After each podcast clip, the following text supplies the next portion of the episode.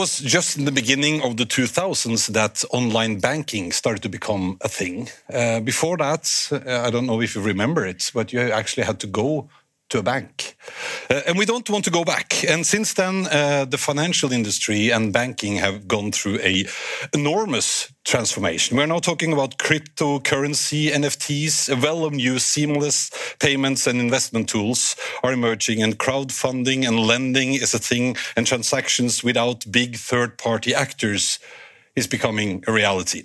We are talking about fintech, of course, financial technology. And to talk more about uh, this, I'm glad to welcome Niklas Sandquist from Aera, Stefan uh, Astorza from uh, Cicero Consulting, and Tuk Hong from Fire. Welcome, guys. Thank you. Thank you. Just give us a short introduction of yourself and what you're doing. My name is uh, Niklas Sandqvist working with public affairs and industry relations from a company called Aera Payment and Identification, a joint venture between uh, uh, grocery, grocery retailers here in Norway. So we supply uh, stores with payment terminals or e-commerce or apps and technology throughout the market. Stefan? Yeah, uh, I'm the CEO of uh, Cicero Consulting, which is an uh, Oslo-based uh, consulting firm. We deliver software solutions to banks and insurance companies, uh, but also market intelligence. So, uh, yeah, I'm the CEO, and I'm also working towards banking in, in particular. In particular, yeah. Thank you, and uh, Tuk. Yeah, my name is Tuk Hwang. I'm the CEO of uh, Firi, not Fire. Oh, sorry. Um, but yeah, uh, it is we, fire. Yeah, it's fire. fire. Is on fire. Basically, we are uh, working within the cryptocurrency space. Yeah. yeah. So and and and then it took. If you should define, you know, fintech. What what's what's fintech? Well, fintech to me is basically, uh, I'll say, on the company side, a company that basically does something that's either innovative or just rebuilding something that exists if you look at how we look at banks, banks doing now are way different than what they were in like 2000. Mm. I was actually born at that time. and I do remember how it was to just get cards. You had to meet up. Now you can do everything online. Now you see neobanks, Revolut. You see a lot of new um, challenges mm. to what you believed in before. But basically, uh, yeah, building the old thing again, just again?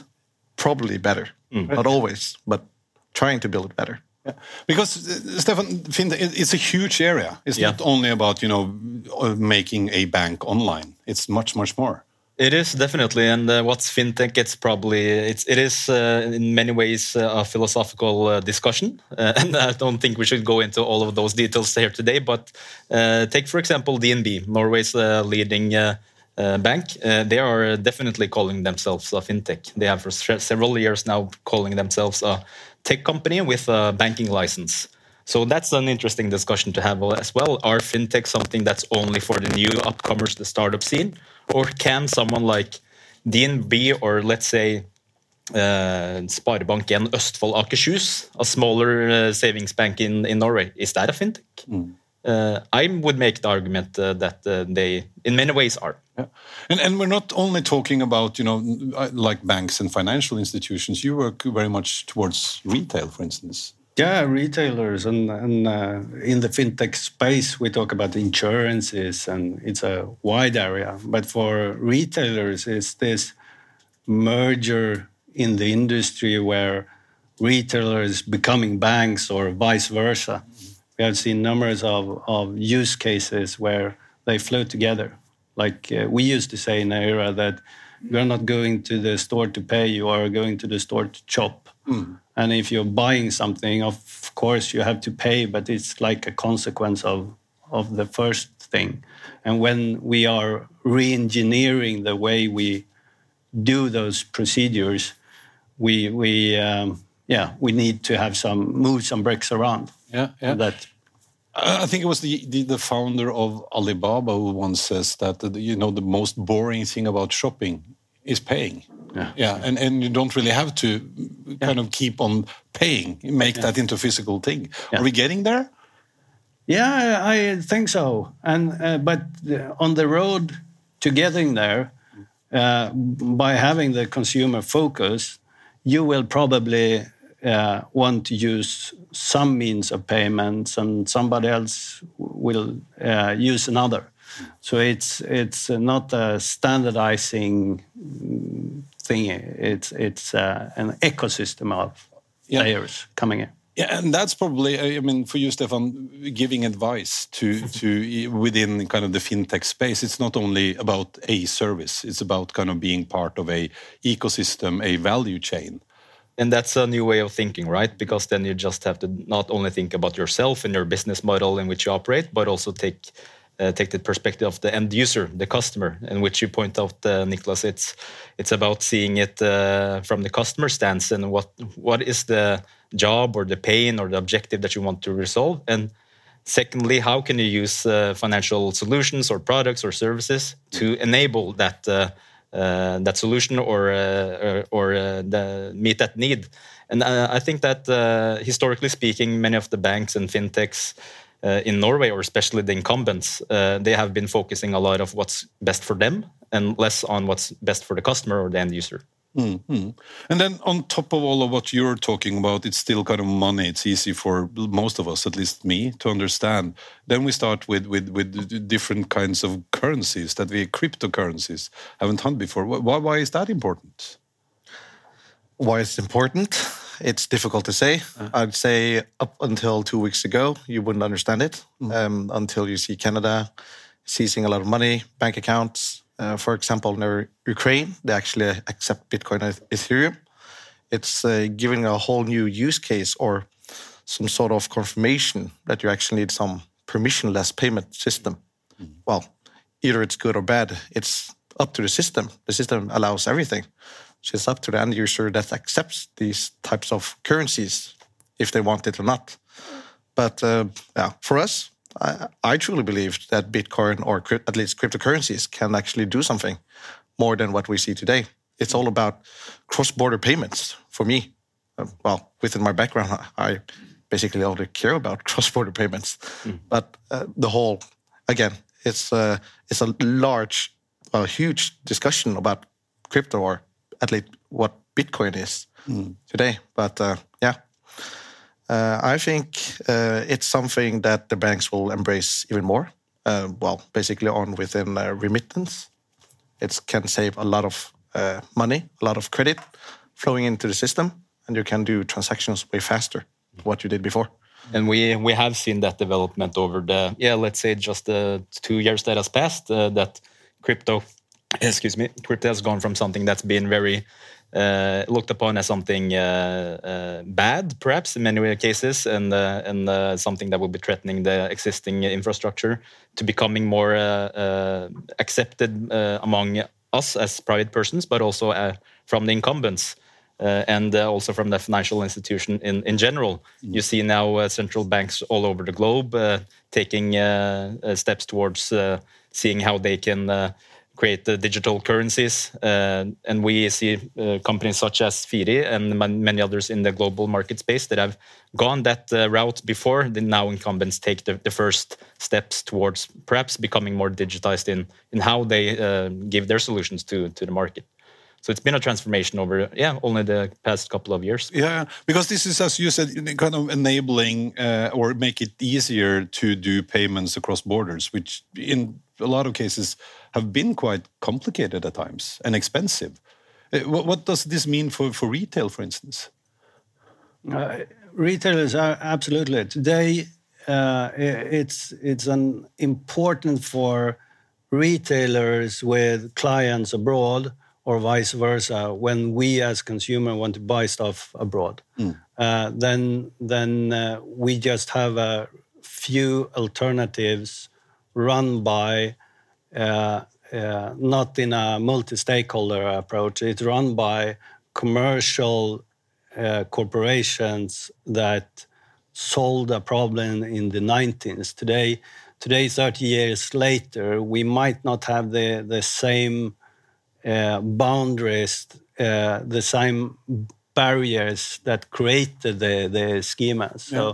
So I still, uh, I, I uh, definitely think that Tuk and and, and uh, the approach on cryptocurrencies and, and cross-border payments will fill a gap for just making uh, goods and services uh, cross-border eas- more easily in Yeah. the future. Yeah, because now also, and I d- never remember what, what what's it called. Was it directive from the EU, the, the PlayStation 2 directive I used? It. yeah, uh, it's called. PSD2. Yeah, exactly. Which means that uh, open banking, right? And Yeah. what does that mean for for the business world?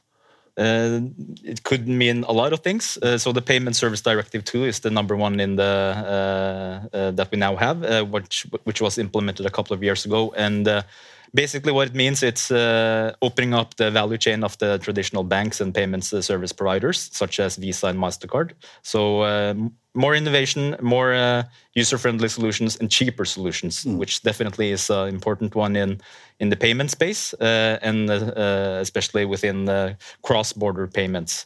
So it's been a lot of fuss within the industry about PSD2 and open banking and far we have come. Uh, I would dare to say that the implications have been very, uh, very, very small and not that uh, much that we probably anticipated. Uh, and we have uh, yet uh, a lot to see in the future, but there's a long, long way to to to fulfilling all of the, yeah, many many of the the largest. Um, spådommer, uh, which is in English, uh, predictions Yeah. uh, that we heard a couple of years ago. Yeah, yeah. But but what do you think will be kind of the next big thing coming now within kind of fintech? That's a big question.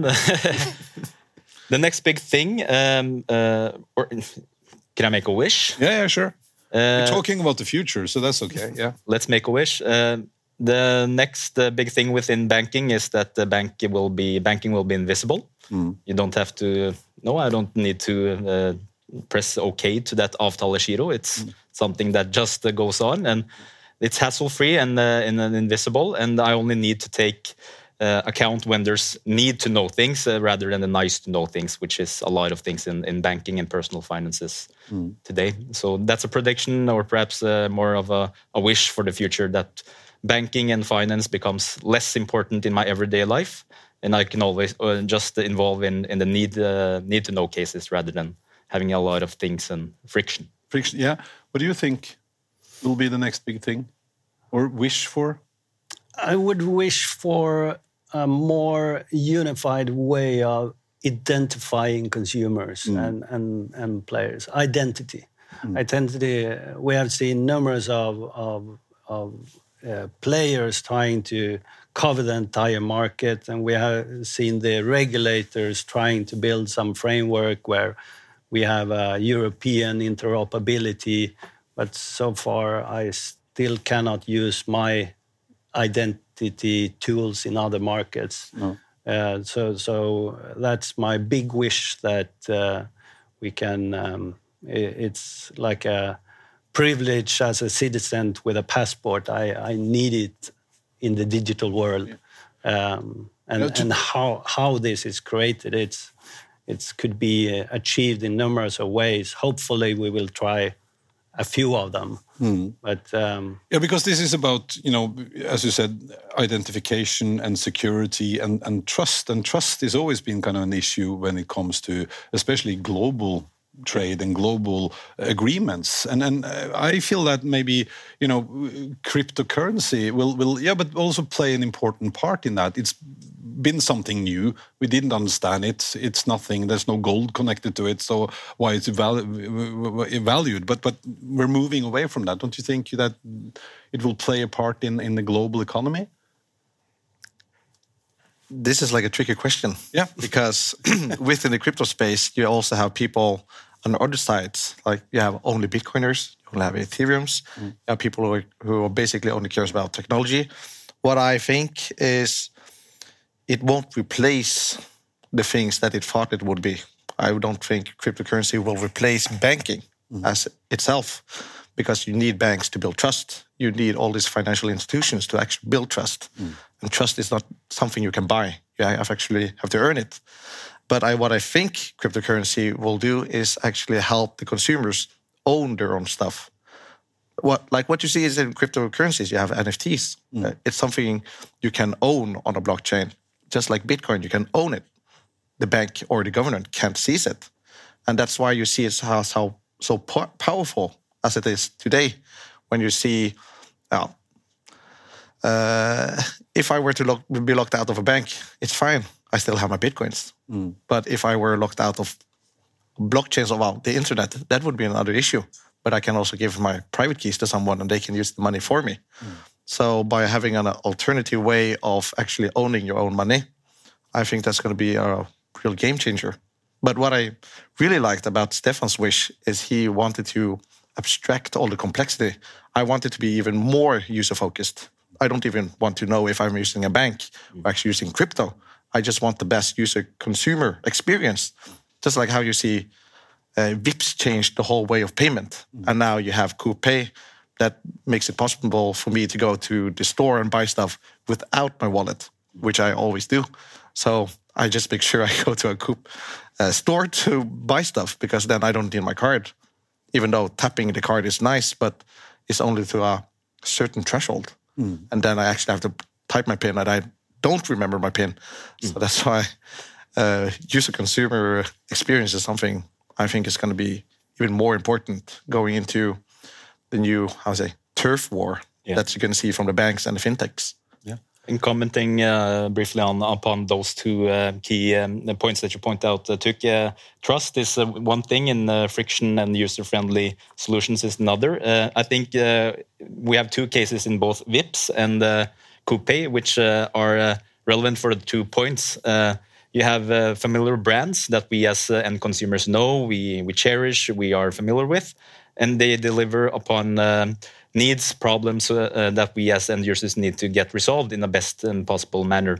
And I see we need. I think that we need to see more example of of that kind of innovation coming from the the larger uh, uh, uh, entities out there, the bigger banks, the this big retail companies, and so forth. That they take the responsibility of building upon the trust that they have achieved uh, over many years and having the, the customer centricity in their forehead in everything uh, that they do because we don't see it uh, at the pace at I at least uh, would would like to but I think there's a big potential and we embrace it when we experience it Yeah, but but isn't this? I mean, this this is important stuff for people, and and money in the bank is easy to understand. And when you start to talk about NFTs, and I, I mean, that's complicated. Uh, Could you try to explain NFTs? You're putting me on the spot and I think I will pass that ball over to the now you're making it difficult for me too. No. yes. Thank you. yeah no um nfts is like um yeah, for me i define it as like a fr- framework because you can use it for a lot of stuff. You can use it like art. You can use it like access pass you can build like communities around nfts but what uh, nft stands for is non-fungible tokens which is basically a unique piece of token on a blockchain which only the one who owns the private keys owns the NFT, just like in Lord of the Rings, one ring to rule them all. um, and uh, you see that by using this type of technology, you can use, well, right now it's used for a lot of like crypto art, like CryptoPunks, Crypto Kittens. Uh, but what you are beginning to see is more um, involved into like owning some type of small piece in a game, like skins. If uh, Counter Strike were to use NFTs and use that as a way of transferring skins between users, it would not only make it more revenue for them because you can build royalties into the to the NFTs, but it also make the user actually own it. Because if I own a lot of skins and then, okay, for example, I cheat some or something, I get banned, I lose all my skins. But by doing this, you actually don't lose them. You just get banned and you have to buy the game again and then transfer all the skins somewhere else uh, to reuse it. So it's all about ownership, Yeah. basically. Yeah, because and, and that, I mean now that we can do that, so make sure that when I buy something or or build something online, it's actually kind of proven that it's mine, and and you can make a copy, but then it's a copy, it's not the original that I own. Yeah. What will these kind of technologies mean for for you know the future of fintech? Where are we going? You talked about the total seamless experience. That would be nice. I mean, I don't have to do my tax report. I everything is just taken care of as long as there are money in some channel. Are we Right. getting there? Yeah, I think so, and I think that a lot of the things that's now, now happening within the the crypto space and uh, uh, take for example uh, metaverse and what will happen with the that kind of uh, involvement how will the incumbent traditional banks and financial institutions that's uh, accustomed to operate in a uh, physical world how would that be transferred over to uh, a more virtual one uh, are there challenge challenges there definitely are there pos- uh, opportunities of course and so that i think that will be a very interesting suggestion to or uh, uh, transformation to to follow. Uh, but I also think that we uh, are slowly and steady going towards uh, towards a better future in their in their physical world. Uh, you mentioned uh, branches; uh, it's definitely a thing of the past. Uh, I lived in, in Spain for a year, and uh, there's two things you see on each spa- corner in Spain. There's pharmacies, right? You have a pharmacy on each uh, corner, and there's a physical bank branch. Uh, that's not the case in Norway. Norway is one of the countries with the least uh, branches uh, uh, in in the world, and I think that's uh, it's uh, easy to forget that kind of uh, fun facts if it's fun for anyone to know that. Uh, but uh, it's definitely uh, we are uh, been on the trajectory for many years now. Uh, we don't pay uh, by using checks. Uh, everything is digital. Uh, one in uh, every uh, three or third uh, Norwegian has never visited a bank branch. So we are on that the traject uh, on that uh, route, and I think we just need to keep the ball uh, rolling and uh, and make it even going faster faster because we are uh, early adopters of many of those solutions that they they provide. But what will this mean? I mean, if we're moving almost entire life out in a kind of virtual space, what will it mean for consumers and and, and touch points or payment points? it's it's uh, when you're onboarded it's it's uh, then you can be totally uh, virtual but you somewhere you i think you need to be be onboarded or the true identity again uh, the the root- the the connection to having a unique uh, onboarding for uh, for going into that space and and uh, be able to go out again. Uh, it's it's the the spots where where we will have the interaction between the physical and the digital world. Yeah, Yeah, and and uh, and it's also a lot of opportunities where you uh, regards to the the um, uh, um, data management around which kind of information you share about yourself. Uh, I think we are just in the beginning of something where we can really control the data in in which content i- it in which uh, uh, context you share which data. Um, and in the in this route, when we provide more uh, innovation and concepts, we need to have a comfort for not exposing everything into uh, new players. But but isn't that also kind of part of the ecosystem that we're building now, based on different kinds of fintech platforms, to make sure that security is taken care of, uh, things aren't you know misused in the same way as we could before. How do you see that? Is are we exposing ourselves more when going digital or less? No, definitely, yes, absolutely. It's uh, we don't even know what's what the dangers are in that virtual world. Uh, it's not really only related to financial financial services, but uh, I think uh, uh, a lot of the traditional uh, players they have many issues with uh, fixing the basics in a physical world. Uh, so uh, getting uh, knowing who your customers are. Uh, uh, it's it's a it's been uh, very manual in many processes, and we have to fix the basics before taking up on the new virtual world uh, for many banks at least. And uh, I, would guess that perhaps fintech players could be uh, some uh, some role models in that area and show how it could be done even faster in a virtual world, mm. and and and in that becoming an inspiration and also perhaps partner up with traditional players. Yeah.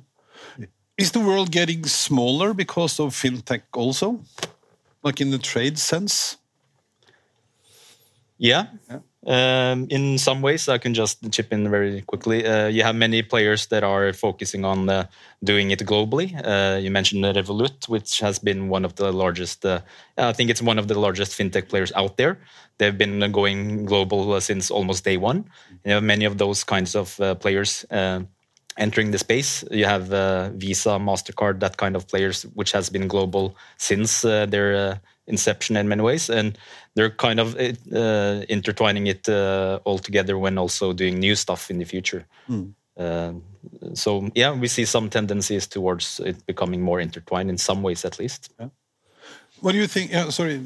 Oh, I, I uh, almost disagree because uh, some of the some of the fintechs they are going for taking it all and building the alternative ecosystem and financial system. But as we said before, the fin- the purpose of the financial in institutions are still there. Mm. So we have a lot of fintech players niched for just building really good tools mm. to be bought by the traditional players or, or the institutions again is like rebirth uh, from the financial institution. Mm. And this this balance saying either the fintechs take it over, take over everything, or they will be bought. Mm. It's uh, so I think it will be a middle way. Middle way, yeah, yeah, yeah. What do you yeah. think? Well, I think the large players will do basically exactly what Niklas said. Like you see how traditional banks, if you just take like one example I really like is uh, how DNB and Aprila Bank is actually doing within like how you do loans. They now use Aprila to actually do way faster risk score of the customers. Well, I don't I don't work for a bank, of uh, of course, but I think doing that type of partnership is giving them a lot of strength and showing that they are not only thinking about themselves anymore and actually not like, okay, we'll just buy a Aprila Bank and it'll be done. Mm. Nobody can get this. But this opens up, uh, well, more innovation outside of their own space, but also making sure they are partaking in the whole evolution. Mm. So uh, I think it's going to be very interesting, especially within the KYC part, because uh, right now you have uh, how say the same players, but you don't use the new technology to do it, like machine learning. Mm. Well, the beginning, but it should have been started for a long time ago. Mm. Yeah, or, and is this a challenge for the established player? I feel oftentimes now they're they're popping up startups yeah. all over the place, making new ways of doing accounting or doing lending money or, or financial services in all aspects, and and and they are kind of you know just rushing uh, from the the traditional players.